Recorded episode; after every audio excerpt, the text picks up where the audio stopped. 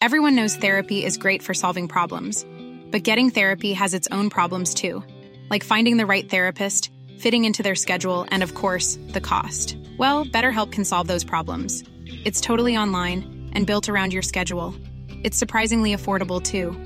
Connect with a credentialed therapist by phone, video, or online chat, all from the comfort of your home. Visit betterhelp.com to learn more and save 10% on your first month. That's BetterHelp H E L P.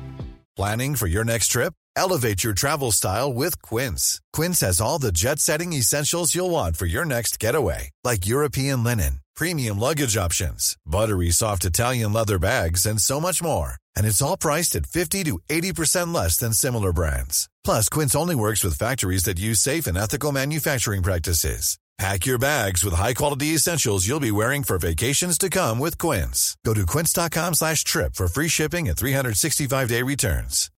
Millions of people have lost weight with personalized plans from Noom. Like Evan, who can't stand salads and still lost 50 pounds. Salads generally for most people are the easy button, right? For me, that wasn't an option. I never really was a salad guy. That's just not who I am. But Noom worked for me.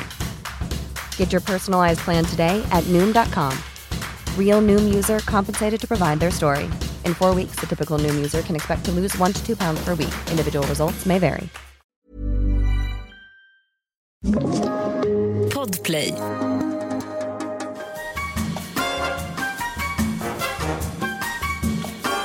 Välkommen till podcasten Jägaren med mig, Daniel da Silva.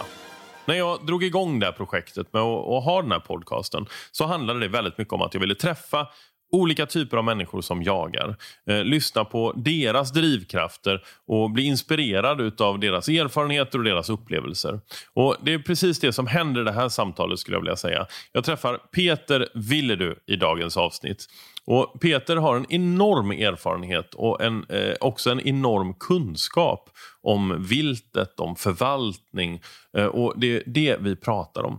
Så jag hoppas att ni uppskattar detta avsnittet lika mycket som jag uppskattade att få träffa Peter och lyssna på alla hans eh, underbara berättelser.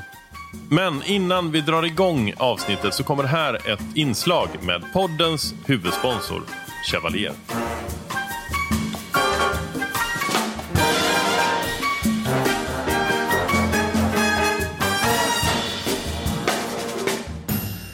Då, Kalle, eh, så sitter vi här i ett showroom igen och eh, framför oss så har vi en jacka, ett par byxor och en väst. Eh, och det här är ju inte ett klassiskt jaktställ utan det här är någon form av mellanlager, eller hur? Ja, men vi har försökt att göra ett ställ i ett väldigt lätt yttertyg mm. med en corduratråd i för att göra det så lätt men ändå starkt. Mm. Um, vi kan nämna också att det heter Breeze. Ja, och mellan de här två lagren av yttertyget, då, mm. corduratyget, så ligger en väldigt voluminös men lätt vadd. Mm. Eh, när man har vadd så försöker man hitta den här kombinationen av lätt men mycket volym mm. för att kunna komprimera det. Mm. Eh, för det är ändå så man vill kunna ta med det. Ja. Och ta på sig, ta av sig och ja, det är den typen av plagg mycket. Och, och, och det, det, här är ju liksom ultimat eh, mellanlager tycker jag, under en skaljacka. Mm. Men du har ju även liksom Jackan är ju då eh, vändbar så du har eh, en grön sida och du har en eh, varselsida. Och på varselsidan så har du även bröstfickor eh, för, för radioficka. Då. Ja. Eh, så du kan verkligen använda detta som en, som en jacka. Mm. Eller som byxor och sen så har du västen då också. Ja. Sen så har det en funktion som jag bara älskar och det är ju att ryggfickan eh, funkar även som ett fodral för hela jackan.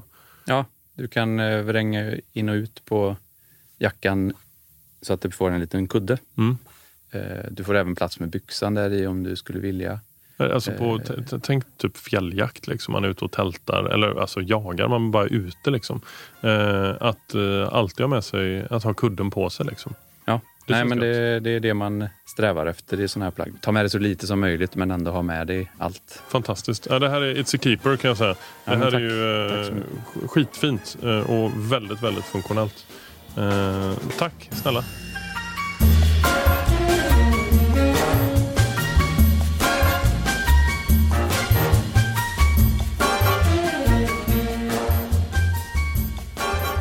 Då sitter jag tillsammans med Peter Villedu som är hovjägare.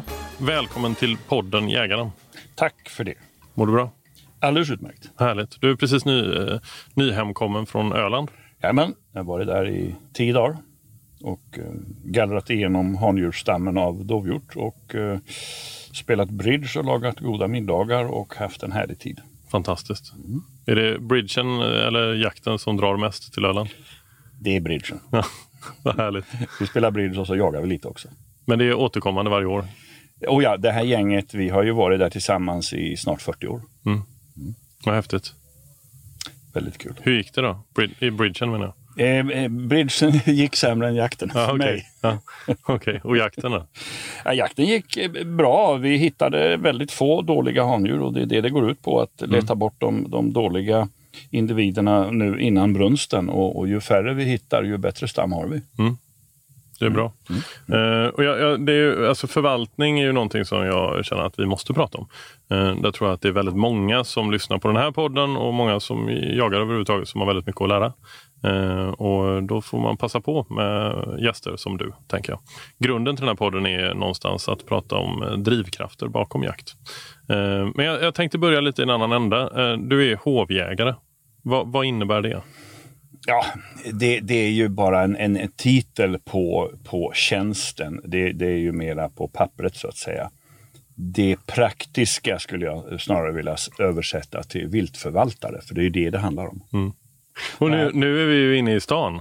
Eh, och det, det, var, det var inte helt poppis. Vi, vi är ju mitt inne i centrala Stockholm. Ja, Jag har ju problem när jag kommer in till stan. Jag, jag försöker få något slags riktmärke så jag vet vad jag är.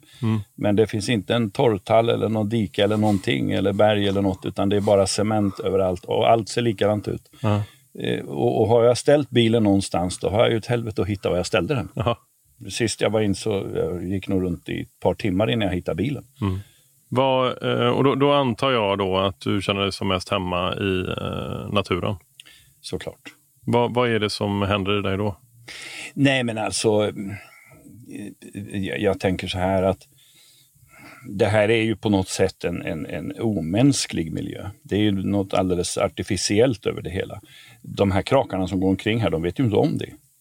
Men, men eh, tar man en sån här och sätter en sån här människa i skogen på en stubbe, det, det är rena psykologhjälpen. De blir ju fria och börjar tänka och saker. Och, mm. Det är ju någonting som man inte riktigt kan sätta fingret på som händer i en, tycker jag, när man är ute i skogen, eh, skog och natur. Eh, det infinner sig ett lugn och en, en förståelse och en, eh, en känsla av tillhörighet som är, som är extremt häftig, tycker jag. Ja, det, det, det du säger nu det är ju precis det jag menar här. att De som är uppväxta och eller bor i stan, de kommer ut i naturen och känner ett lugn. Men vi som alltid är i naturen, vi är alltid lugna för att vi är ju som vi är, för det är där vi hör hemma. Rent naturligt så ska vi inte bo i någon stad. Vi tänker ju inte på det så som du säger nu. Det är bara ni som bor i stan eller har bott i stan som, som tänker så. Vi tar det ju som en vanlig dag i livet. Du har ju jagat länge. Eh, om, eh, kan vi backa liksom från början? Eh, hur kommer du i kontakt med jakt från, liksom från att du bara var ett par år gammal? Eller? Ja, alltså jag, jag, jag vet inte varför egentligen, men, men när jag gick i första klass i skolan då fick, vi, fick man en sån här blå bok med streck i där man skulle skriva stora A och lilla A, bokstäver kors och tvärs. Och så fort jag hade lyckats få ihop de där bokstäverna så skrev jag i permen eh, när jag blir stor ska jag bli jägare. Och så ritade jag ett huvud av ett rådjur och en bössa. Och sen har jag aldrig gjort något annat. Har du haft jakt inom familjen också? Nej. Inte? Nej. Du var liksom ett kall? Ja, det var det. Och jag är uppfödd på södra Mörkö mitt i skogen. Vi hade ju inte elektricitet och vi hade inte toalett inomhus. Vi hade en pump i köket som vi pumpade vatten och vedspis. Så jag är uppfödd i skogen och där fanns inget annat att göra. Jag kanske var fyra, fem år när jag tog båten och åkte ut och fiskade och mm, gick i skogen och Mm. hittade på saker. Och, så det, det, det har följt med mig från jag föddes. Det, det har aldrig funnits något annat. Nej. Aldrig någonsin. Min- Minns du, vad, vad var det för typ av jakt när du, när du började? När du var ung då? Ja, när jag var riktigt ung så jagade jag ju inte annat än med luftgevär och, Mm. och, och på det viset som, som alla rackarungar gjorde. Utan eh, det, det var ju först när jag eh, var jaktelev och, och hamnade på Hörningsholms gods som jaktelev och sen var jag hos eh, Jan Åkerman som jaktelev. Det var ju då jakten visade sig på riktigt. Då var det ju riktiga vapen och då fick jag vara med och jaga på riktigt. Det var ju första gången som jag jagade. Det var när jag var, eh, nej förlåt mig, inte jaktelev, pryo. Man pryade ju i nian. Prao säger vi i Göteborg. Okej, pryo. Ja, praoare. Ja, det, så kan det varit. Men det var första gången som, som jag var med om jakt på riktigt. Ja. Allt annat var ju bara med luftgevär. Och jag byggde Och hur var känslan då? då? För det måste, då måste du ändå under flera år byggt upp tanken och känslan av jakt och helt plötsligt kom du i kontakt med det. Ja, men Minns visst, du den känslan? Absolut. Det, det, det, var ju, det var ju målet från, från att jag var liten, att jag skulle jaga. Mm. Men det förstod jag ju själv att, att i, i de unga åren så fanns det ingen möjlighet. Ehm, och inte ens när jag praoade så fanns det Mm. någon riktig möjlighet. Men jag var ju med när Jan Åkerman och på Mm. Hörningsholm där. Eh, när det jagades på riktigt och, och det var ju spiken i kistan liksom. Då Mm. var det ju klart. Minns du ditt första vilt? Jag tror att det var faktiskt eh, när jag var jaktelev då. Mm. Efter eh, Skogsbruksskolan. Ja. Ja, jag kommer inte riktigt ihåg, jag måste titta. Jag noterar ju varenda vilt jag skjuter i, i, i böcker, så jag har skrivit upp allting. Så där får jag nog gå tillbaks, men, men det kan ha varit en råbock. Ja. Ja, du har skrivit upp alla vilt. Ja. Är ju Från räv och uppåt. Inte småkraft som harar och änder och kråkor och sånt där. Det har jag skrivit upp. Men räv och uppåt har jag skrivit upp alla. Mm. Avstånd, kaliber, kula, var skottet tog. All fakta runt varenda vilt sen jag började. Bläddrar du de där böckerna ibland? Ofta. För det måste vara en del. Det finns väldigt mycket lustig statistik att ta fram. Ja. Eh, medelflyktsträcka med olika kalibrar. Ja. Vad har du kommit fram till? Eh, det är det som är så förvånande. Eh, jag räknade ihop och då tog jag tusen rådjur och tusen hjortar. Så, som du har fällt? Eh, Ja, Ja, okej. ja. eh, rå- rådjuren sk- skjutna med 222 Remington och eh, hjortarna med 7 mm Remington Magnum. Båda hade medelflyktsträcka på 34 meter. Mhm. Både rådjuren och hjortarna. Helt olika djur, olika kalibrar och allting sånt. Samma flyktsträcka och då tog jag bort eh, halsskott och, och eventuellt eh, sämre skott, något enstaka, utan det här var då centrala lungpartiet. Mm. Så att man kan rota mycket i de här siffrorna och, och få fram eh, lustiga saker. Vad, vad använder du för kaliber om du är på en eh, jakt där du faktiskt både jagar eh, rådjur och dov? Eh, 308 Winchester. Ja. I övrigt 7 Remington Magnum har jag haft i alla tider. Vad, vad brukar du använda för ammunition? Eh, jag har använt Vulkan till 7 Remington. Eh, jag fastnade för den för att eh, den, den, den blev den var bra i, i köttförstöringsmässigt. Den, den passar den kalibern. Det är inte sagt att Vulkan passar i alla kalibrar. Mm. Men till 7 Remington är den väldigt bra. Eh, det är bra död i den och eh, minimal köttförstöring. Jag har testat lite olika. Jag har ju inte samma underlag för statistik som du har Mm. av förklarliga skäl. Eh, Men, ja, men jag, jag har liksom testat runt lite grann. Dels vill man ju ha en, självklart en kula som bössan skjuter bra med. Men, men nu har jag faktiskt testat att gå över på lite blötare kulor. Eh, För eh, just speciellt på drevjakt. Så nu har jag jagat en del med SST Hornady som jag tycker funkar väldigt bra för mig. Oryx har jag kört innan och ehm, och även Bond Strike och Tip Strike. Eh, så. SST har ett nickname när vi jagar i Sydafrika. Ja. Super shit tip Okej, kallas den. har du jagat med den själv? Ja, jag har skjutit zebror med den. Ja. Eh, bara för att jävlas med Madison så tog jag... Eh, vi lånar ju bössor, vi tar inte med oss bössor längre Mm. till Sydafrika. Då lånade jag bössor där och då hade den killen som jag lånade bössan av just SST. Ja. Och jag skulle skjuta fyra, fem zebror den här dagen och då sa jag, då gör jag det med den här. Mm. Bara för att reta managern. Det gick jättebra. Kanonbra. Ja, jag, jag skaffade faktiskt den när jag skulle ut och jaga säl. Eh, Mm. För att ha så blöt kula som möjligt för att minimera rikoschettrisk. Eh, och, sen så, och det är ju även på drevjakt, det är mycket människor i skogen och liknande. Eh, nu ska man ju liksom inte förlita sig på kalibern eh, och, och på kulan så, utan det finns mycket annat att tänka på. Men det, ändå, det finns en trygghet i det, tycker jag. Ja, på vildsvinsjakt så bör man ju ha något blötare kula så att du får all, all, all effekt i grisen. Så, Mm. en hård kula med genomslag, då springer de onödigt långt. Och det, Ja. då, då minimerar du chanserna till att skjuta dubbler eller tripler och så vidare.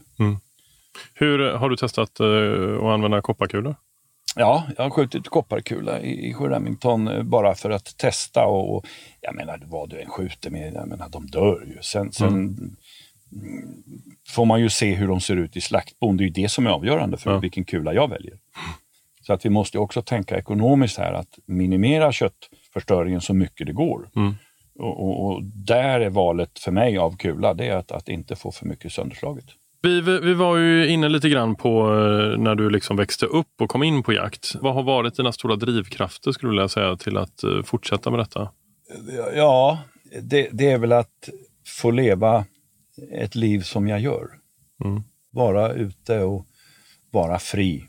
Om vi tittar på den typen av jakt som eh, ni bedriver när du då som, som hovjägare. Hur, hur fungerar det? Vad- hur är upplägget? Liksom? Jag, kan ingenting om det. Eh, om vi tänker på de arrangerade jakterna Ja. eh, så är ju det som, som alla arrangerar, om, om vi tar ett, ett, ett, ett, eh, ett gods som har en arrangerad jakt eller, eller något liknande så, så är det ju samma, i princip samma upplägg eh, på, på våra jakter som, som alla andra har. Mm. Nämligen att eh, se till att alla pass är ordentligt röjda, att det är så mycket ton man kan ha Mm. på marken. Så att de flesta pass ska ju vara torn också för säkerheten. Mm. Att skjuta ner mot marken. Eh, och sen att eh, det inte finns farliga mm, vinklar åt något håll för någon skytt utan eh, de flesta pass ska försöka göras säkra. Eh, det är ju där det börjar och sen eh, naturligtvis eh, lägga upp jakterna på det viset att det går snabbt och smärtfritt och eftersökspatruller och viltpatruller och, och, allt detta finns på plats så att eh, eftersöken tas om hand eh, vid en, någon eventuell skadeskjutning och att man håller sig med bra folk som, som bra eftersökare, bra hundförare, bra hundar. Och mm, det är väl så alla vill ha det. Hur, hur många marker eller så är du ansvarig för? Eh, Ottenby på södra Öland, Mm. eh, Tullgarn, eh, Drottningholm och Hjorthägnet i Gripsholm. Och är du alltid jaktledare på jakterna? Eh, nej, det här är ju en formell historia.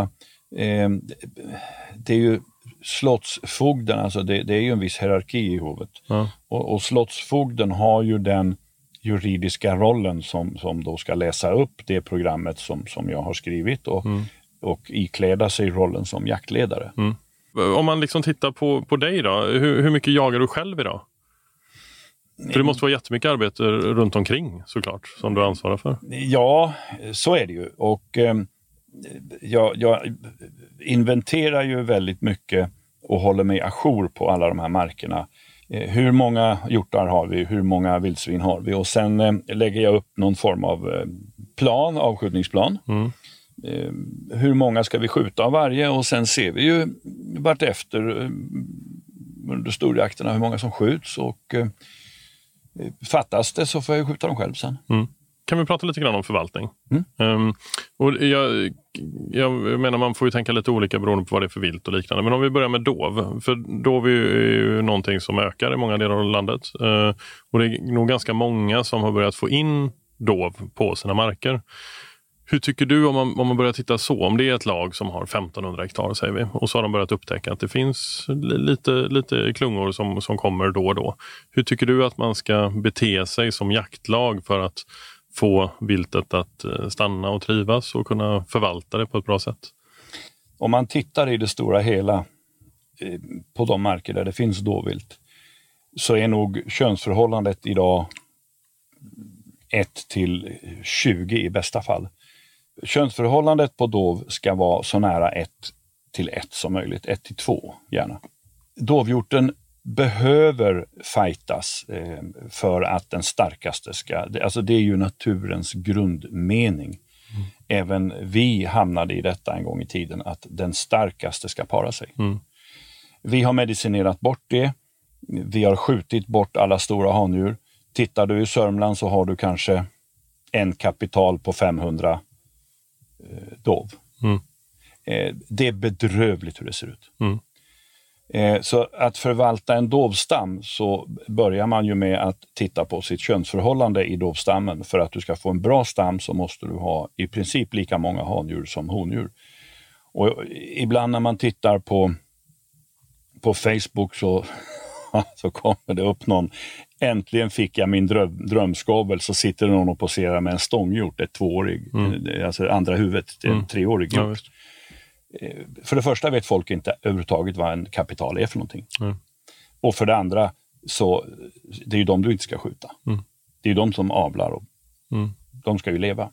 Men viltförvaltning, det är ju att förstå hur viltet fungerar i första hand. Mm. Och där är det enorma brister ute. Mm. Enorma brister.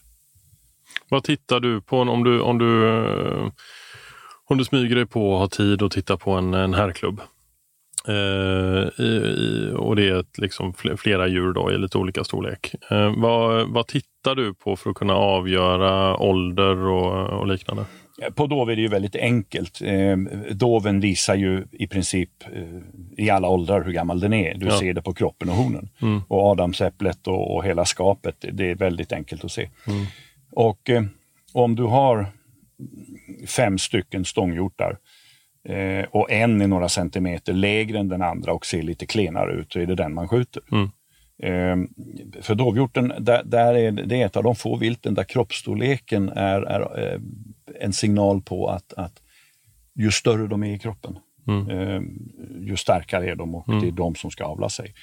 Sen är det ju naturligtvis så att de också måste ha typiska dovhjortshorn så att säga. Ja, det får inte vara missbildningar och sånt. Eh, när det gäller unga hjortar så skjuter vi dem inte för att de är flikiga normalt, om det inte är extremt. Mm. Stånghjortar och, och eh, tredjehuven eh, har ofta eller nästan alltid flikar Mm. och de försvinner. Mm. Men kommer du upp i fjärde, femte, sjätte huvud Mm. och du har stora flikar, då eh, har vi på något sätt sagt att där går gränsen för vad vi kan tolerera och då tar vi bort dem. Okej. Men det är oerhört sällan, det är bara ett par om året vi hittar som är sådana Mm. på Ottenby. Där har vi väldigt bra skovelanlag för Mm. dem. Eh, men hittar vi någon lite äldre med flikar, då tar vi bort den. Mm. Men inte på unghjortar, för det brukar försvinna Mm. när de blir lite äldre. Alltså efter tredje huvudet brukar det försvinna. Men man vet aldrig. Alltså det här, jag hade en, en älg en gång. Adolf hette den. Mm. Eh, jag, jag, hämtade den som nyfödd kalv. Kon låg död bredvid. Mm. Det var en lantbrukare som ringde och sa att det ligger en död ko här. Älgko. Eh, Jag hade kommit hem från Afrika samma dag så jag bara bytte om och åkte ner och tittade på den där kon och den låg ju stendöd där och uppsvullen. Jag hade legat nästan en vecka. Mm. Och då får jag se under en gran så står det två små pyttesmå kalvar. Mm. Eh, och då hade jag min jämte Stina som jag släppte på dem där för att hon, hon, hon var så pass förståndig och vi- visste redan innan vad jag skulle göra. Så hon gick fram och höll den där ena kalven i hårstråna och den orkade inte ens gå därifrån. Så Okej. jag tog ett hundkoppel om, om halsen på kalven och så bar jag ut den i bilen och tog hem och åkte till en bonde och hämtade råmjölk och födde upp den där. Och det var en tjur som jag döpte omedelbart till Adolf. Och jag hade det där kräket hemma en bra bit in i september. Nej. Och sen så eh, åt den mig i princip ur huset. Jag, jag hade inte tid att göra någonting annat på dagarna än att åka ut och hämta sly, eh, rönn och allt möjligt. Eh, Den åt ju som, som, som galen. Och så råmjölk. Eh, så jag körde tillbaks den där till samma plats, eh, hämtat den. Mm. Men då fick jag åka dit och ge den mjölk och se till att den mådde bra. Mm. Eh, och det gjorde den.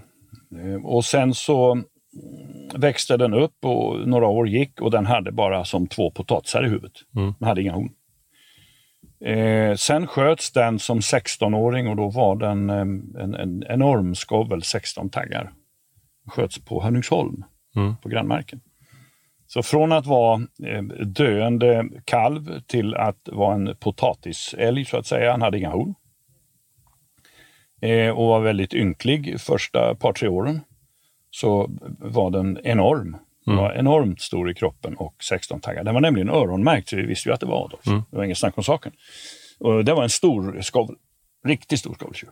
Va, hur, hur var det för dig då? För där fick du liksom en, en personlig relation till Ja, ja, ja. ja. Alltså, Hur jag, kändes det när, eh, när eh, han fälldes? ja, under många år så, så åkte jag ut och ropade på honom och då kom han och jag gav honom äpplen och kliade honom och allting sånt där. Mm. Men, men sen med tiden så förvildades den. Eh, och han, ibland motade han folk och hade sig. Då tappade jag ju den där känslan för älgen. Eh, och sen, sen hade jag inte kontakt med honom på flera år förrän jag fick höra talas om att Adolf var skjuten på Hörningsholm. Vilken, eh, vilken häftig berättelse. Ja, Va, hur, eh, om vi bara går tillbaka här. Vi har pratat lite grann om hur man ska bete sig kring handjuren. Hondjuren då? ja, där har du ju ingenting att gå på. Nej. Eh, det- det- Där, där, där får man ju välja. Men för att få balans då, skj- skjuter du av eh, smalhindar? Ja, det gör vi ju i och med att de inte har, har någon kalv. Mm. Ehm, och, och sen gäller det ju att hålla balansen, att man skjuter så att könsförhållandet är 1 till 2, vilket vi har. På, Ja, ett till två. Vid, vid vilken ålder slutar hindar och slutar de att få kalvar? Det gör de inte. Nej, okej. De kan få kalvar ända till eh, 15, 16, 17 års ålder. Okej. Ja. Men det blir inte mycket med dem. Nej. Eh, Alltså en, en gammal hind, den, den, vi brukar kalla dem för kameler. Eh, Puckelryggiga och tufsiga i pälsen och väldigt långa eh, nosar, Ja. skallar. Tunna i halsen. Eh, Skjuter vi kalven om den har kalvar så skjuter vi hinden sen. Mm. Eh, Helt klart. Vi- Det, det, måste vi göra. Vi måste Mm. få bort de där gamla, annars självdör de. Och jag menar, är det så att man smyger, pyrschar eller vakar eller sådär, då, då har man ju tid på sig. Ja, det är det. Det är Eh, precis det på, på drevjakter så har man ju inte det. Nej, Eh, eh, hur- drevjakten kan du inte förvalta en vildstam. Nej, Utan den ligger ju i bonusen vad du har råd med att göra fel. okej. Förvaltningen sköter du ju själv, just som du säger. Du smyger, sitter ute, tittar, observerar, inventerar på nätterna. Det är då du skapar en bild av vad du har. Sen får du räkna med en, en, en marginal. Det här har vi råd att, att eh, göra fel på. Men givetvis under, under de drevjakterna så har vi ju vissa regler. Mm.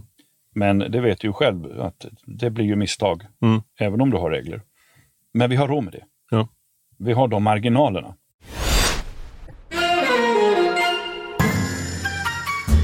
Och eh, hur är det med älg då? Eh, för jag menar när du kom till hovet 84, eh, då såg ju älgstammen ganska annorlunda ut än vad den gör idag. Jag höll på att säga den ser ungefär precis likadan ut. Nej, Ah, okej. vi, vi har ingen älg. Nej, Vi, vi hade ingen älg då, vi ni har ingen älg nu. Okej. Eh, vi har inte alls de... Alltså skogsbruket sköts ju inte av oss. Nej. Vi, vi, vi har ju bara jakten. Och eh, där har ju inte varit någon, någon eh, avverkning och, och ingen föryngring. Vi har inga tallungskogar, vi har inget vinterbete överhuvudtaget. Så vi, vi har inte älg. Nej, okej. Det är någon enstaka älg sådär. Men eh, nu har vi till exempel inte haft älg på menyn varken förra året eller kommer att ha det i år. För Mm. att vi har så dåligt med älg i hela älgskötselområdet som är 12 10-12 000 hektar. Vad har ni mer på markerna? Eh, då vildsvin, har ni mufflon? Kron och mufflon, ja. Ja. Mm. Ja. Och hur tycker du att man förvaltar en mufflonstam? Det behöver vi inte bry oss om för det gör lo och varg åt oss. Okej. Har ni Så- mycket lo? Ja, massor. Ja. massor. Och vad gör man åt det tycker du? Eh, ger dem mufflon så de är tysta. Mm. Det, det är det de äter. Vargen och lo tar mufflon eh, omedelbart. För det, ett får kan inte springa. De springer lätt ikapp dem. Och, och, så vi följer mufflonstammen och så ser vi att ja, nu är vargen här eller nu, nu har man massa lodjur här. För nu, nu är den där gruppen splittrad, nu är det bara några stycken kvar av den gruppen av mufflon där och så vidare. Och ibland är de helt borta och sen tar det några år så kommer det tillbaka lite mufflon igen. Mm. Så att eh, nej, det, det, det sköter de åt oss. Är du, är du själv involverad i rovdjursfrågor? Eh, Eh, nej, jag bara lyssnar. Mm. Jag, jag, jag vill inte engagera mig i det. Jag kan inte engagera mig i det överhuvudtaget. Eh, där, jag jagar mycket, jag jagar mycket Dalsland. Ehm, där det är ja, men ganska klassisk allmogejakt. Ehm, vi jagar på marker där det finns väldigt bra med rådjur. Ehm, det går upp och ner såklart varje år, fram och tillbaka. Men det finns en bra stam och de förvaltar marken på ett sätt som eh, ja, men är väldigt fint. För de, de känner till sin mark eh, och de vet precis hur mycket de ska fälla och inte och liknande. Men de gör det inte lika beräknande som man kanske gör på ett gods.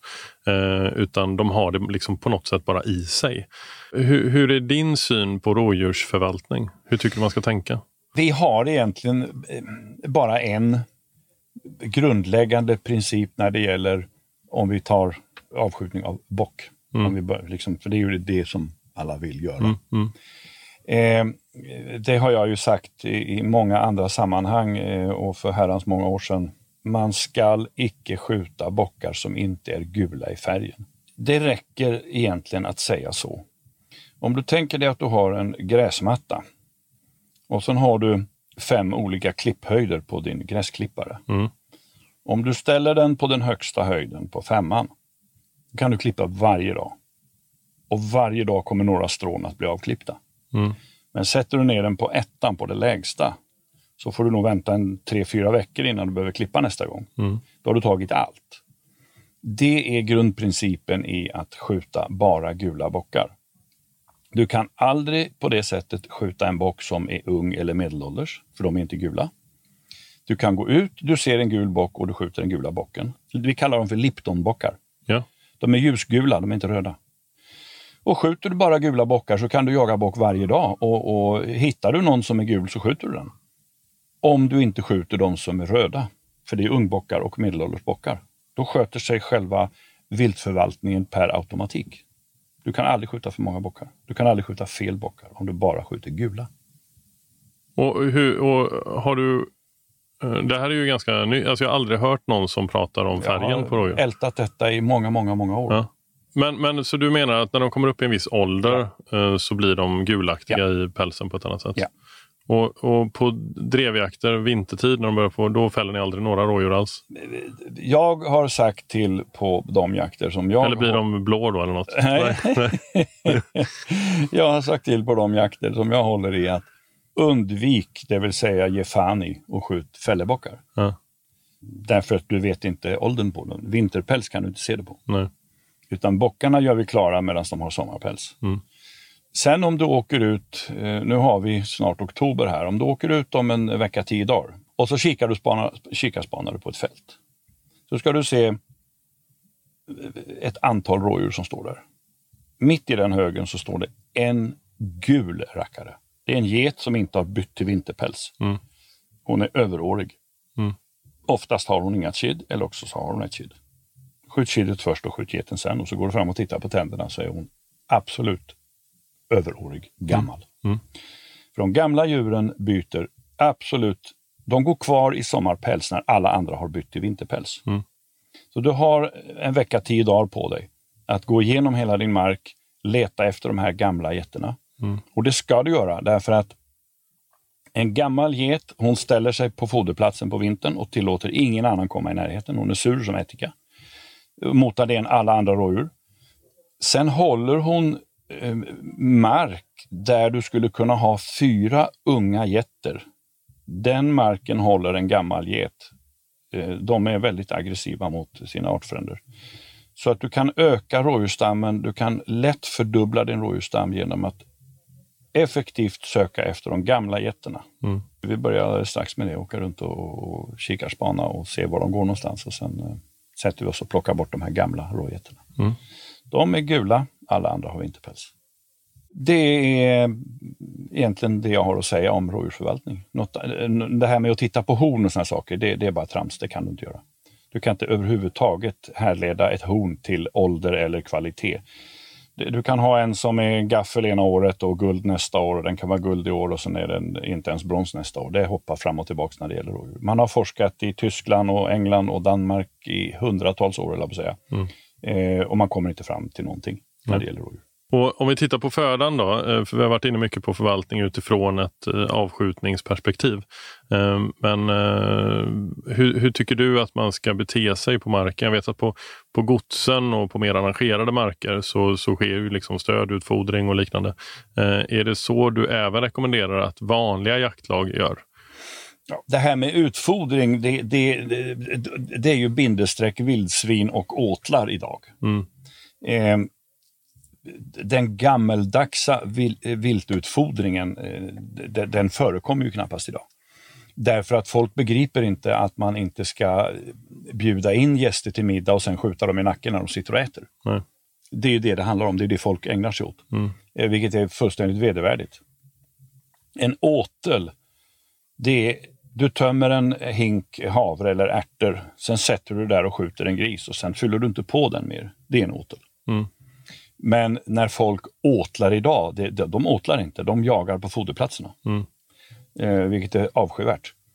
Vi har foderplatser, Mm. men en zon runt foderplatsen är avlyst. Där jagas icke. Det är precis så vi gör på det laget jag är med i, där vi har foderplatser. En foderplats är till för att de djur som behöver mat ska gå dit. Mm. Det kan vara eh, eh, av, av, av olika arter. eh, Har ni ensilage för dov eller vad? Ja, ja. Helsädesensilage för grisar och, och klöverensilage för Mm. klövdjuren. Jag menar, en sugga kan bli överkörd, ungarna vet var fodret finns, de går till foderplatsen. Mm. Därför att de behöver ha maten där. Ehm, och, och andra djur går dit därför att de behöver det. Och så sitter väl någon jävel där och skjuter dem när de kommer. Mm. Eh, Det, det, det skulle ju inte ens vara tillåtet. Nej. Inte på något sätt. Eh, Men, men det är så folk jagar idag. Och, kan ju ha lite med bekvämlighet och hur ser du på eh, alltså, majsåtel, om man säger så? Där man, där man jagar? Nej, men jag, jag hatar all form av åtel så länge det inte handlar om räv. Nej, okej. Och vad är det som skiljer sig där tycker du? Nej, men räven är ju omöjlig att hantera. Jag menar, du kan ju inte avgöra hur många rävar du tänker skjuta. Du lägger upp en plan, i år ska vi skjuta 50, försök att göra det. Mm. Det är ju en omöjlighet. Du har ju en otroligt listig och försiktig individ att ha att göra med. Mm. Så att där, där ehm, har vi ju inga alternativ.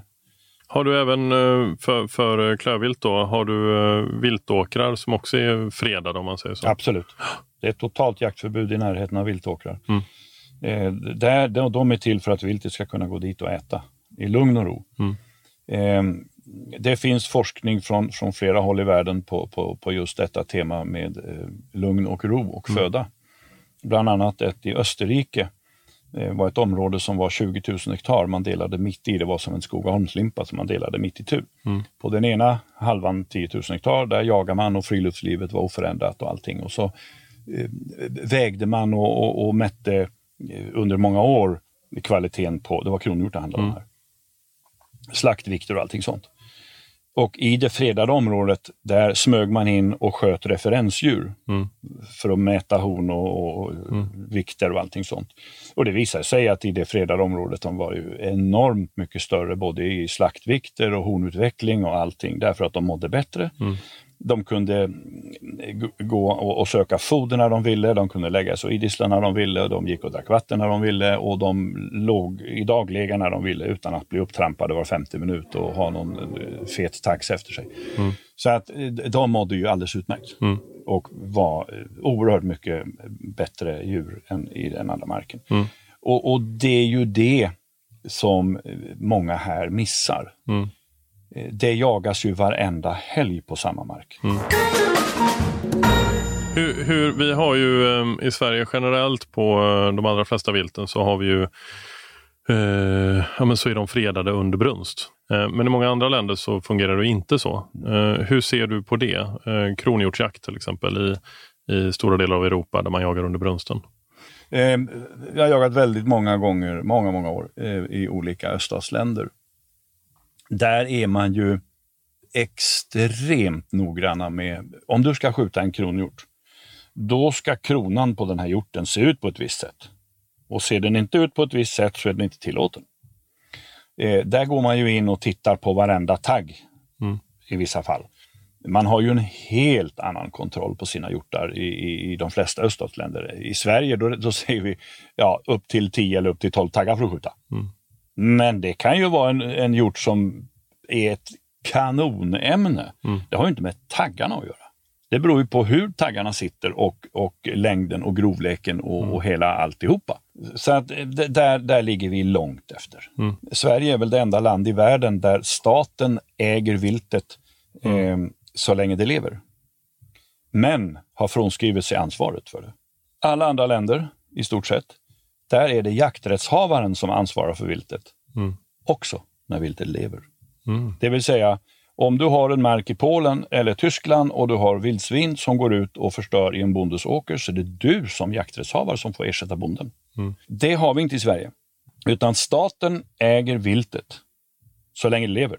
Mm. Men tar inget ansvar för vad de förstör, nämligen grisarna ute i åkrarna. Mm. Det är inte statens ansvar. Trots att de äger viltet. Utan det ha hamnar ju mera hos jägarna. Vi blir skyldiga att hjälpa bönderna att mota den grisar och jaga grisar i växande gröda. Men å andra sidan så är vi ju inte heller skyldiga. Nej. Men vi gör det för att hjälpa till.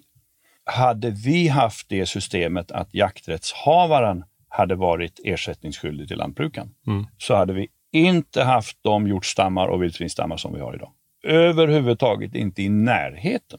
Mm. Så att det här kan du klandra ett totalt felaktigt system för att vi har vildsvinsskador, att bönder lider enorma skador av, av skördebortfall från både dovhjort, och kronhjort och vildsvin. Mm. Det beror på det systemet vi har i Sverige Mm. som är fullständigt ologiskt hur man än ser på det. Mm.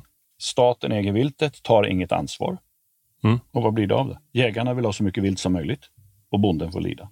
Det går inte ihop i längden. Du som har jagat eh, så pass länge du har gjort. Eh, du har handskats med vapen eh, sedan du var liten och sett väldigt mycket. Vad, vad tycker du är det mest basala som jägarkåren behöver ha med sig i kunskap kring säker vapenhantering?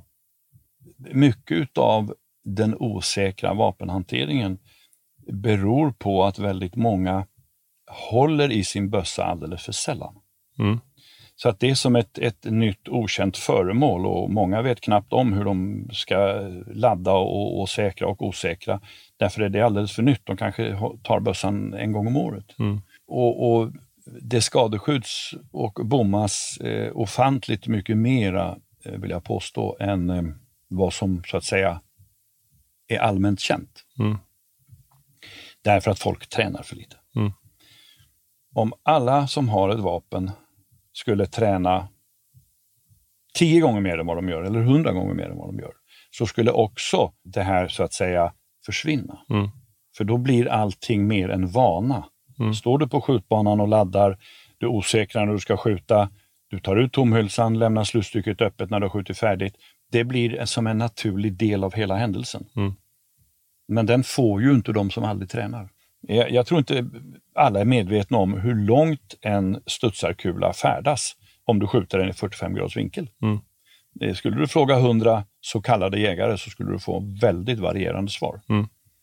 Ehm, och, och när man vet hur långt en kula färdas så kan man säga att hur ska någon kunna veta vad som är på den platsen där kulan ramlar ner? Ja, exakt. För det är mellan 5 och 9 kilometer. Mm. Vad finns det där? Mm. Då måste man ha en karta och titta. Mm. Är, det, är det en skola? Är det en idrottsplats? Är det en motorväg? Vad är det där borta? Mm. Och, och ja, Jag tror att är mycket mm, elände eh, på grund av okunskap. Hur, eh, hur mycket jagar du liksom icke-arrangerad jakt? Eh, Så klassisk allmogejakt. Man går ut eh, två personer och släpper en tax och lite ser vad som händer. Det, det, det förekommer inte längre. Har, men du har gjort det förr? Oh ja! Ja. Oh, ja. Det, För det finns en tjusning i det också. Ja, liksom. herregud, jag kan sakna det. Ja. Absolut, det, det är fantastiskt. Men eh, jag blir så anti eh, ibland därför att eh, det är så mycket som jag tycker är så mycket fel på. Eh, om vi tänker på att ha rådjur tillåtna med, med drivande hund från 1 oktober. Det är fullständigt vansinnigt. Hur tänker du då? Nej men alltså, du släpper en hund, den driver en råget, hon lägger kidden och så springer hon omkring ensam och så skjuts hon. Mm. Jag, var- det, jag var på en jakt, det var väl kanske den, den, den, jag vill inte säga sista, men en av de senaste jakterna jag var på, det många år sedan. Det sköts nio rådjur, sju var mjölkgetter. Mm. Och då sa jag aldrig mer. Nej. Därför att, återigen, okunskap. Mm. Det kommer ett hondjur framför en drivande hund 1 oktober. Mm. Utgå ifrån att hon har kid, vilket hon nästan alltid har. Och kidden lägger hon Mm. och så tar hon hunden med sig och springer därifrån. Mm. Och så skjuts hon som ett ensamt djur. Och så går du fram och tittar så har mjölk i huvudet. Mm. Om och om igen. Varför ska vi jaga 1 oktober? Första november räcker väl? Och släppa drivande hund. Och hur funkar det med dov då? På stora drevjakter? Gör inte de likadant? Doven är ju faktiskt sån att det, det är ju den viltarten där kalvarna är absolut eh, tidigast självständiga. Mm. De är inte beroende av, av hinden alls lika länge som kidden och som en älgkalv. Hur, jag vet, vad, eh, kallar man det adoption eller vad kallar man det? Mm. Alltså, eh, ser du ofta det inom, alltså om, om en, en dovhind blir eh, överkörd i eh, juli månad? med en liten det kan jag inte säga att jag ser, men, men man ser ju ibland, eh, ja på Ottenby kan vi säga så här, där har vi aldrig kunnat konstatera att en, en dovhind har fått två kalvar. Nej. Vi skjuter ju trots allt på, på senvintern eh, de sista hindarna eh, och vi har aldrig hittat två foster i en hind. Nej. På Tullgarn däremot Mm. är det, jag vill inte säga att alla har det, men väldigt många hindar har två kalvar. Mm. Väldigt många. Vi sköt eh, något år en sex, sju hindar i januari och samtliga hade dubbelfoster. Eh, Det är ju att- jätteintressant. Vad, Ja. vad, vet du vad det beror på?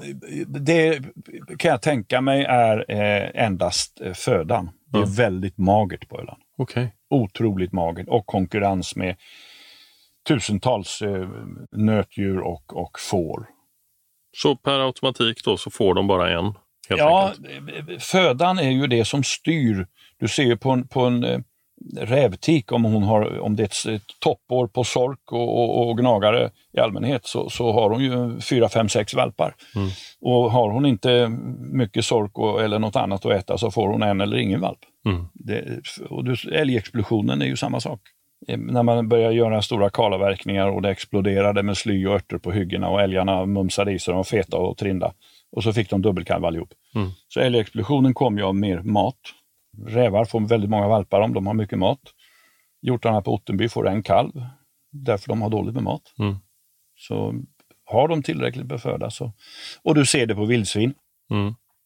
Nu kan du ju hitta nyfödda kultingar i stort sett året runt. Mm. Därför att alla grisar är feta året runt. Det naturliga för vildsvin är att eh, brunsta i, i november-december. Efter sommaren när de har ätit upp sig och när, när suggan är som absolut fetast, då ska hon gå i brunst. Men i Sverige är de ju fetast jämt. För de står ju i en majshög året runt och mumsar i sig så att de är feta jämt och därför försätts hela brunstcykeln ur spel. Mm. Och så kan de brunsta när som helst och då kan du ha en nyfödd kull i november eller i juli och när som helst Mm. kan du se nyfödda kultingar. Allt styrs av foder.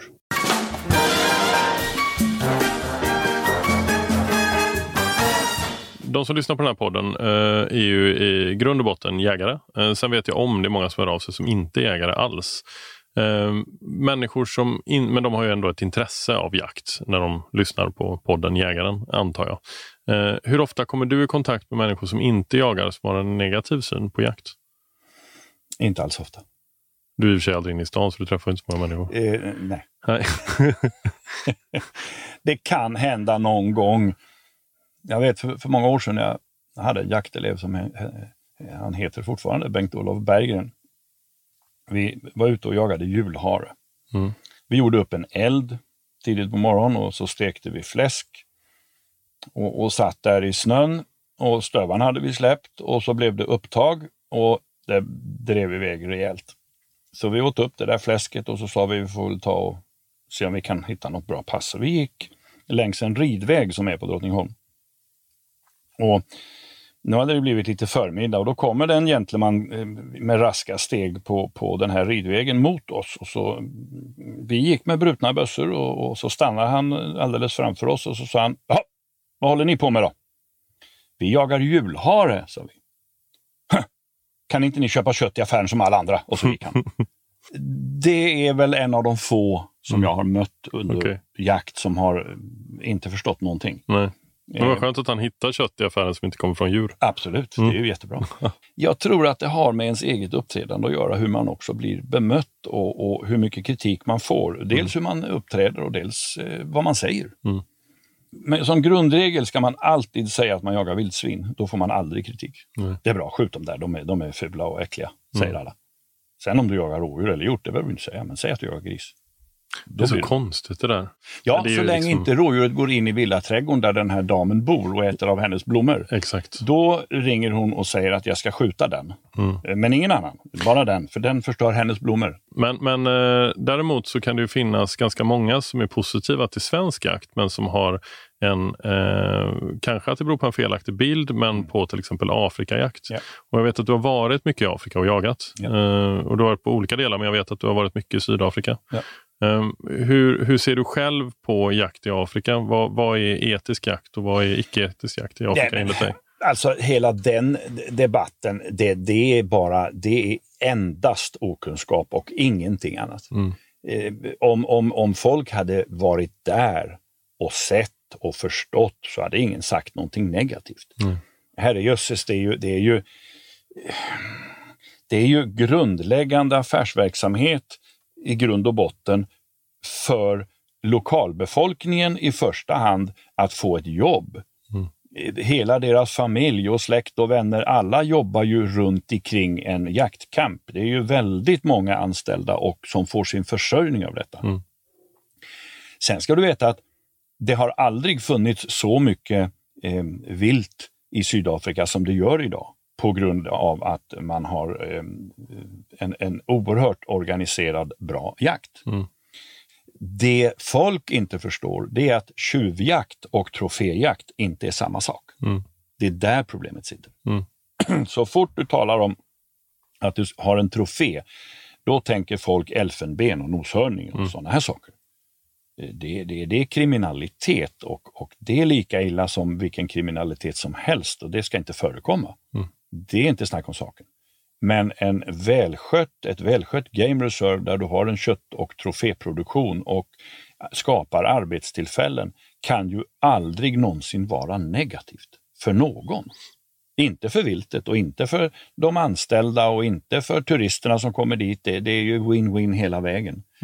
Men det är väldigt svårt för en människa som växer upp på den här betongen att sätta sig in i när man inte har varit där. Man är blockerad i elfenben och noshörningar här. Nej, jag håller med dig till 100 procent. Det var väldigt tydligt. Där gick du igång lite grann. Eh, Nej, inte så riktigt, men, men eh, om, vi, om vi tänker på vad vi har talat om här hela tiden, Mm. så har vi nästan kommit till samma, samma slutsats i vilket kapitel vi än har talat om. Nämligen att folk inte begriper, att folk inte kan, att folk behöver lära sig mera saker. Så blir allting bättre. Mm. Det är en röd tråd i, i positivt och negativt. Det är kunskap. Det här avsnittet är även sponsrat av JG Jakt och just nu så är jag inne på deras sajt här faktiskt. jgjakt.se och kollar lite grann på vapen. Jag, jag gillar ju att klämma och känna på vapen så jag, jag brukar åka till dem. Eh, är det så att ni vill göra det så, så åker ni till, till Sävedalen precis utanför Göteborg. Eh, där de ligger på Göteborgsvägen. Men inne här nu så är jag inne och tittar lite grann på drilling. Jag har ingen drilling. Eh, och här eh, håller jag på att kolla på en, Merkel eh, 32. Ehm, det är 12 och 6,5 55. Ehm, ja, det finns mycket fint. Ehm, det är liksom bara att surfa runt här och kolla lite grann. Men, men jag föredrar ju att gå in till butiken för jag tycker personalen på JG är så sjukt härliga att ha att göra med. De är hjälpsamma och de är kunniga. Och är det så att de inte direkt vet eh, svaret på ens fråga eh, så tar de reda på det. Det är väldigt, väldigt smidigt. Eh, jag tycker att deras eh, vapenutbud, både nytt och begagnat, är helt grymt. Eh, och sen så finns i princip alla tillbehör man behöver inom jakt på IG. Och just nu så vet vi väl också om att ni får en dämpare på köpet vid ett köp av ett klass 1-paket med en Tikka T3X Eh, och ett sikte. Eh, och då uppger ni bara att ni lyssnar på jägaren. Eh, så, så löser de en dämpare till er också. Så smyg in på jgjakt.se eller varför inte gå in till butiken och hälsa på Christian och Erik och, och Stefan och kompani. För det är lätt värt ett besök. Tack JG Jakt!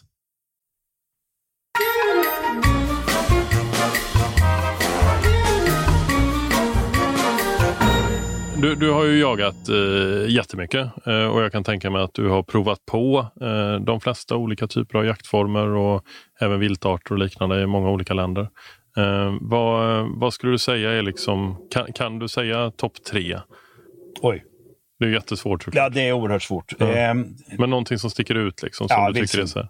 Ja, det är så? Ja, jag tröttnar aldrig på vildsvin. Nej. Eh, jag åker än i denna dag utomlands för att jaga vildsvin. Mm. Trots att vi kan skjuta mycket vi vill på hemmaplan. Ja. Men på något sätt så, men det är klart när man reser då är det också det här med kamratskapen och hela äventyret i sig som blir ett äventyr. Mm. Men just att jaga vildsvin det tycker jag är vansinnigt roligt. Och det är oftast drevjakt i, eh, liksom i. Europa? Ja, drevjakt. Mm. Ja. Eh, helst uppe i de karpatiska bergen där, där de riktigt stora grisarna finns. Mm. De är enorma grisar uppe. Där finns lite björn också. Ja. Har du jagat det där? Eh, I Ryssland har jag jagat björn. Hur var det? Eh, väldigt annorlunda Ja. och väldigt öde. Enorma marker. Vi, alltså Ryssland är ju så stort så man tror inte det är sant. Nej. Vi åkte fyra och en halv timme i en granskog på en liten skogsväg. Mm. Fyra och en halv timme. Såg inte ett hus, inte ingenting. Det var bara granskog och en väg. Och sen stannade vi bilen och så skulle han bjuda på te. Viktor hette han, det heter ju alla ryssar nästan. Skulle han bjuda på te hade han en stor termos med sig och så hällde han upp en kopp till mig. Och det luktade ju bara sprit. Mm. Då hade han bara doppat tepåsen i vodka. Det var, det var te kallade han. Så jag hällde ut det där genom fönstret. Jag tänkte jag kan inte dricka det här, då kommer jag aldrig att gå och jaga. Så jag hällde ut alltihop. Eh, Men han tog ett par rejäla klunkar och sen gick vi från bilen. Det ljusnade där borta i granskogen och där var ett enormt fält, ett havrefält som de hade odlat bara för björnens skull. Mm. Typ viltåker men Mm. eh, jaktviltåker då när det gäller björn i Ryssland. Mm. Och, och Det här var tredje dagen. Jag hade sett 20, 22 björnar innan. Mm. Men eh, alla tyckte jag var för små. Några kanske inte var jättesmå, men, men inte tillräckligt stora som jag ville ha. Men när vi kom fram, då stod det, jag tror det var en tröska som stod där ute. Jag sa till honom, det där är för fan ingen björn, det måste ju vara någon, något jordbruksredskap. Det stod en jättebjörn där ute. Då sköt jag den. Hur stor var den? 315. Men den såg ju enorm ut. Ja, men vad fan, det är ju svinstort. ju. Ja, nej, ja men den, ja, den var stor. Eh, Men, men nej, det var ju jätteroligt. Ehm, hela grejen. Och, och, eh, jag vill gärna lära mig mer om björn, men jag kommer nog inte jag jaga kan björn. inte faktiskt. så mycket om björnar. Vi, vi, jag jobbar ju inte med det överhuvudtaget. Eh, Det man lär sig om björnar, det får man ju läsa. Jag menar, jag är ju inte i några björnområden annat än det här var ju ett fantastiskt område. Jag såg ju 24 eller 25 björnar på den här resan på tre dagar. Det var ju mycket björn som helst. Det kan ju vara så att några av dem också var små skördetröskor i sig. Ja, det kan det vara. Men eh, precis, inte tillräckligt stora. Eh, Okej, men, men vildsvin då, det liksom Ja. ligger i topp. Ja, någonting, det- någonting annat? Ja, kudu i Sydafrika. Mm. Det, det. Vad är det som är speciellt med just kudu då? Alltså, du kan komma smygande och så, och så ser du en kudu som står där borta på ett par 300 meter bort, står mellan två buskar. Och sen så ska du bara göra någonting så du bara tar bort blicken och så tittar du tillbaka så är den borta. Sen ser Mm. du den aldrig mer. Nej. Kallas ju för Afrikas spöke av den anledningen att de, de är precis som spöken. De- Den står där Mm. och sen är den borta. Sen ser du den aldrig mer. Nej. Det är oerhört fascinerande djur. Enorma öron som du ska försöka mm, övervinna genom att smyga tyst. Mm. Och eh, vansinnigt roligt att jaga dem. Rovdjur i Afrika, är det något du har jagat? Ja, eh, absolut. Mm. Jag har skjutit lejon och, och eh, afrikansk lo. Lejon är intressant, för det är ju en... eh, där finns ju nog en väldigt liten förståelse hos många. Ja, Eh, både liksom eh, cementmänniskorna som du Ja. pratar om, Ja. men även inom jägarkåren tror jag. Ja, Hur, hur fungerar en bra lejonjakt enligt dig? Rent et- men, eh, eh, det finns faktiskt vissa områden där man skjuter lejon och vissa områden där man inte ska skjuta lejon. Mm. I detta fallet så var det utanför Krügerparken. Då hade elefanterna trampat ner eh, det enorma staket som, som omger Krügerparken Mm. på, på eh, västra sidan. Och eh, då hade en hel grupp med lejon rymt och, och var nere ganska långt från Krüger, nere i en by där. Och där var en, ett game reserve som eh, heter Sandringham. Och där var jag på Sandringham och då helt plötsligt så var det lejon inne på det game reservet. Och Mm. det var alltså klara order att de lejonen skulle skjutas för att Mm. annars hade de ju liksom härjat runt i byn och tagit eh, boskap för bönderna runt omkring Mm. och sådär. Så det var, ju, det var ju ren skyddsjakt så att säga. Eh, Tillbaka till eh, favoritjakter. Eh, du har då eh, vildsvin Ja. eh, och sen så Kudu. kudu. Ja. Och om du skulle säga en till? Ja, alltså. Råbock är ju roligt alltså. Mm. Det kan jag fortfarande tycka. Mm.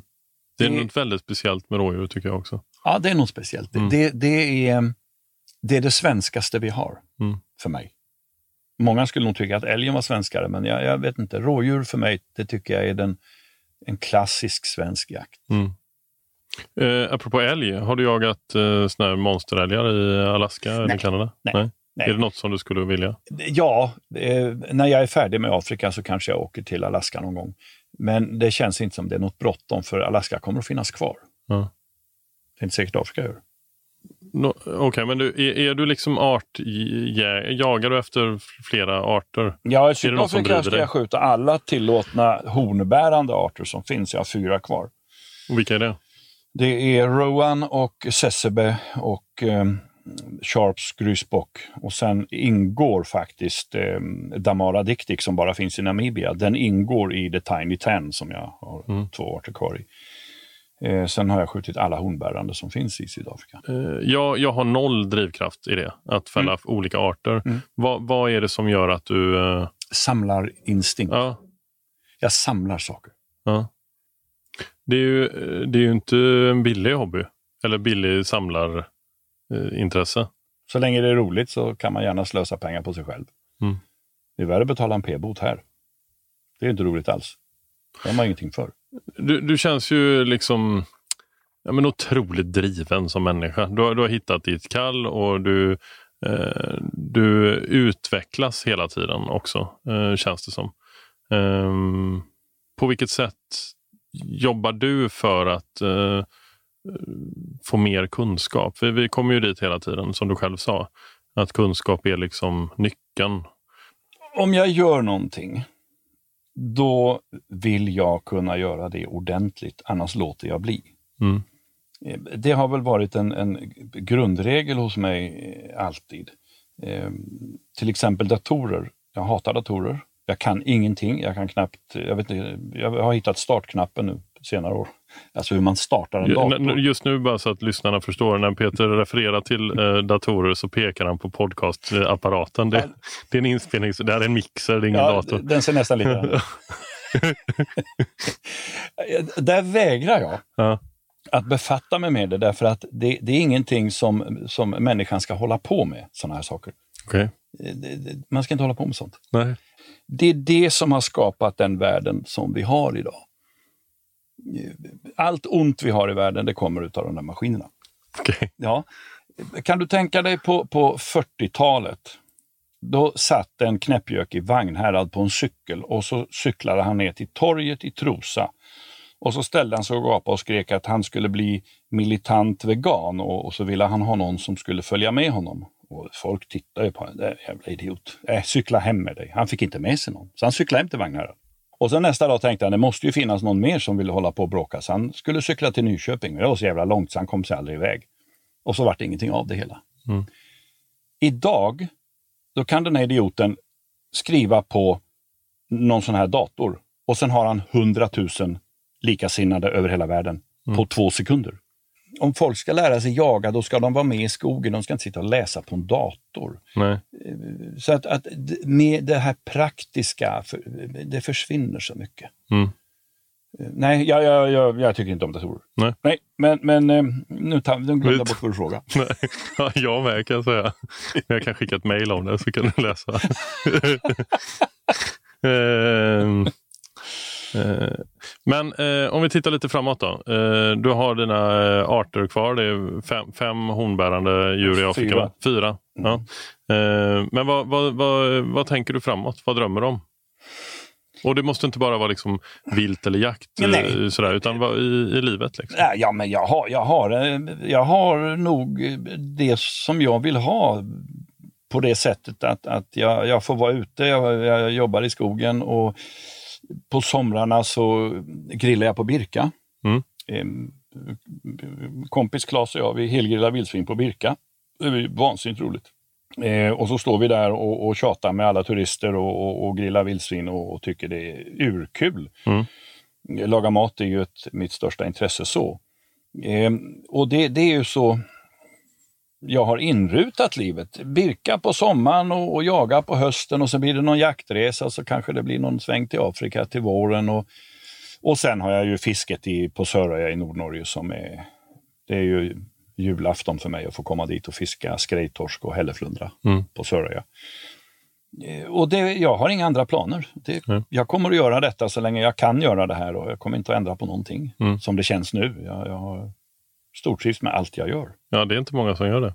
Nej, och, och, och något som också skrämmer mig idag, det är när man frågar ungdomar eller barn. Vad, ja, jag frågade någon häromdagen. Vad, vad ska du bli när du blir stor? Det vet jag inte. Jag tänker att det är ju oerhört viktigt att välja ett spår tidigt. Just för att skaffa sig rätt kunskap hela vägen. Komma på det om man är 25, jo men jag tänkte nu ska jag bli det här. De har ju tappat väldigt mycket. Jo, på ett sätt tror jag Det är att svårt de att ta kanske igen. har det. Jag, jag är ju själv väldigt målmed, målmedveten av mig, men jag tycker om att kunna byta spår. Eh, jag, jag tycker att man eh, Ja, ska tillåta sig göra det. Spår, absolut, det är klart man kan göra, men jag tänker den grundläggande yrkesutbildning, alla måste ju utbilda sig till någonting. Mm. Eller inte alla måste, men man kanske bör Mm. utbilda sig till någonting. Mm. Skaffa sig en grundkunskap. Men om man inte vet vad, vad för slags grundkunskap, åren går ju. Mm. Det, det kan jag tycka är tragiskt. Mm. Många gånger. Eh, För att bara dra en snabb koppling till just det här med utbildning. Eh, om vi tittar på eh, jägarexamen. Eh, människor som lyssnar på den här podden som eh, nu lyssnar till dig och kanske andra gäster och känner att jag vill börja jaga. Hur tycker du att de ska göra? För, för det finns ju en kritik kring intensivkurser. Ja, den eh, skriver jag under Ja. på, som förste man. Och, och vad, hur tycker du att man ska liksom, eh, tänka som eh, icke-jägare om man vill komma, komma in i jakten? Ja, men du kan jämföra det med, med, med mycket annat i samhället.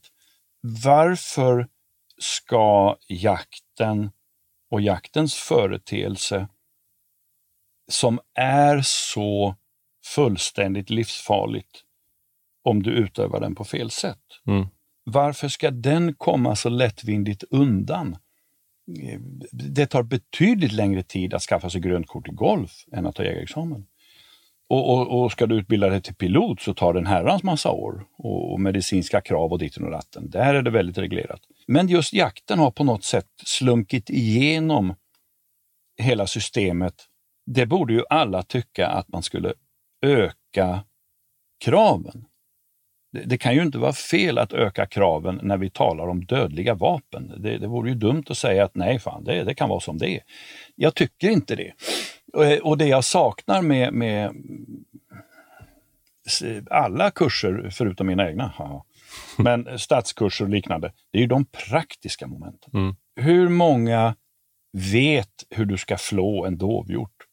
Som vet hur en dovhjort ser ut i storlek och, och, och vikt och alltihopa genom att titta i en bok. Mm. Och hur, hur styckar du en dovhjort om du aldrig har varit med på och gått en styckkurs? Mm. Du kan inte läsa hur du ska stycka. Och så vidare och så vidare. Mm. Jag, jag förstår inte ens att, att det är möjligt att göra jägarexamen på en helg genom att läsa. Jag kan inte förstå det. Mm.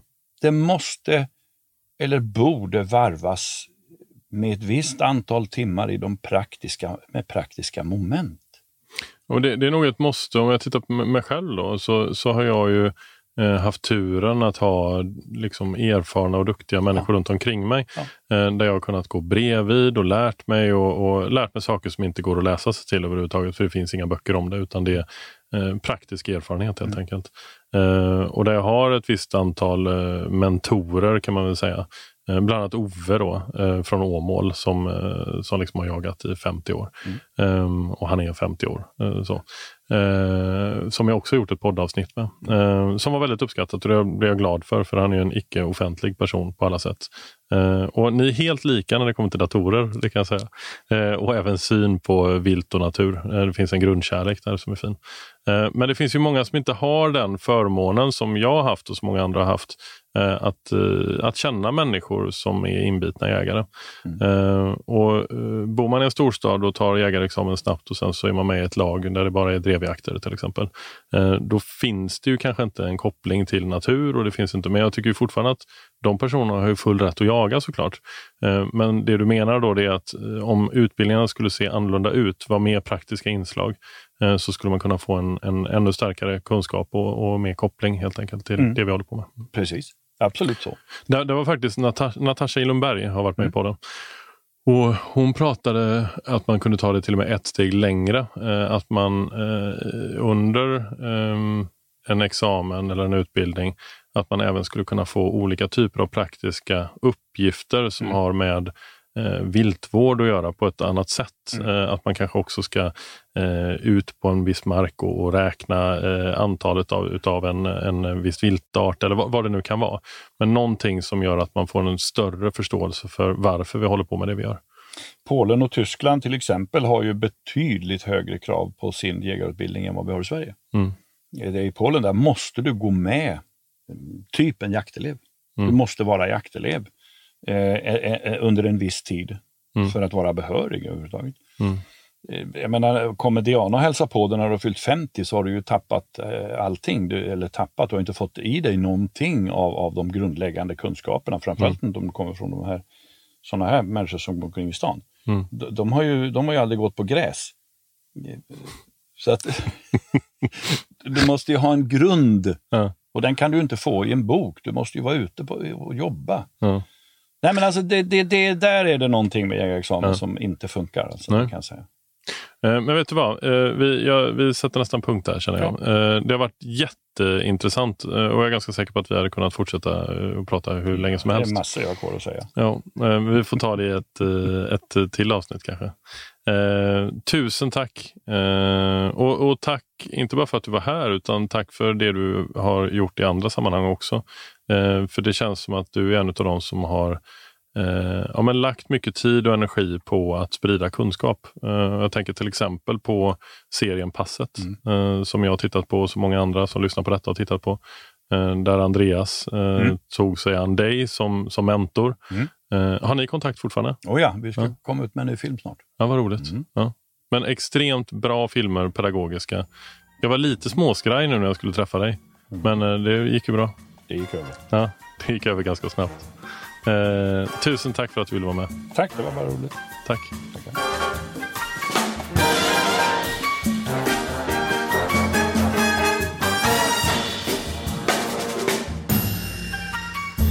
Och stort tack till alla er som lyssnar såklart. Eh, det är helt underbart att ni gör det. Och jag hoppas att ni hänger med oss, för den här podden kommer släppas varje torsdag hela vägen fram till jul. Eh, och eh, varje vecka så träffar jag då en, en ny person som jag intervjuar. Vi hörs nästa vecka på torsdag. Hej!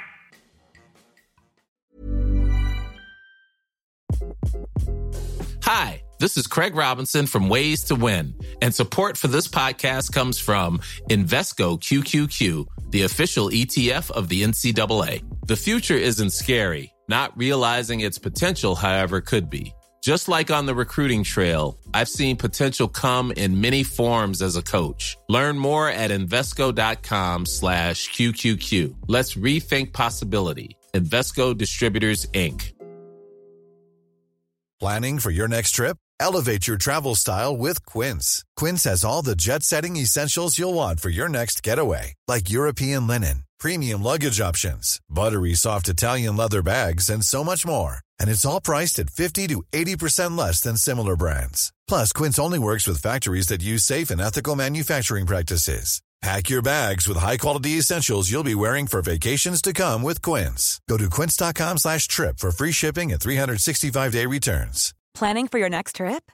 Elevate your travel style with Quince. Quince has all the jet-setting essentials you'll want for your next getaway, like European linen, premium luggage options, buttery soft Italian leather bags, and so much more. And is all priced at 50 to 80% less than similar brands. Plus, Quince only works with factories that use safe and ethical manufacturing practices. Pack your bags with high-quality essentials you'll be wearing for vacations to come with Quince. Go to quince.com/pack for free shipping and 365-day returns.